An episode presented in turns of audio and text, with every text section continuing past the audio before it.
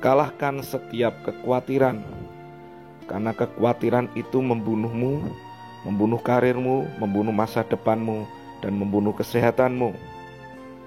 Kekhawatiran itu sesuatu yang sia-sia, karena kekhawatiran tidak menambah hal yang baik di dalam hidupmu dan tidak akan menyelesaikan masalah dalam hidupmu. Dalam bahasa Yunani, kata khawatir berarti pikiran yang terbagi, pikiran yang bercabang, sehingga menimbulkan stres dan ketakutan.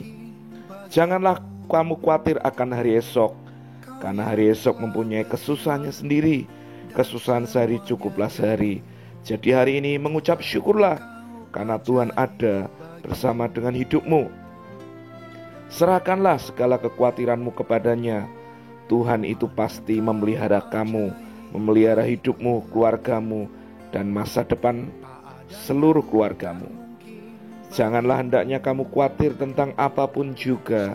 Nyatakanlah segala hal keinginanmu kepada Tuhan dalam doa dengan permohonan dan ucapan syukur.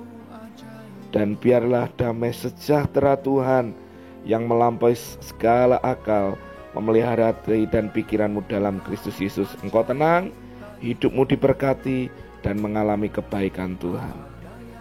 Tuhan Yesus memberkati saudara.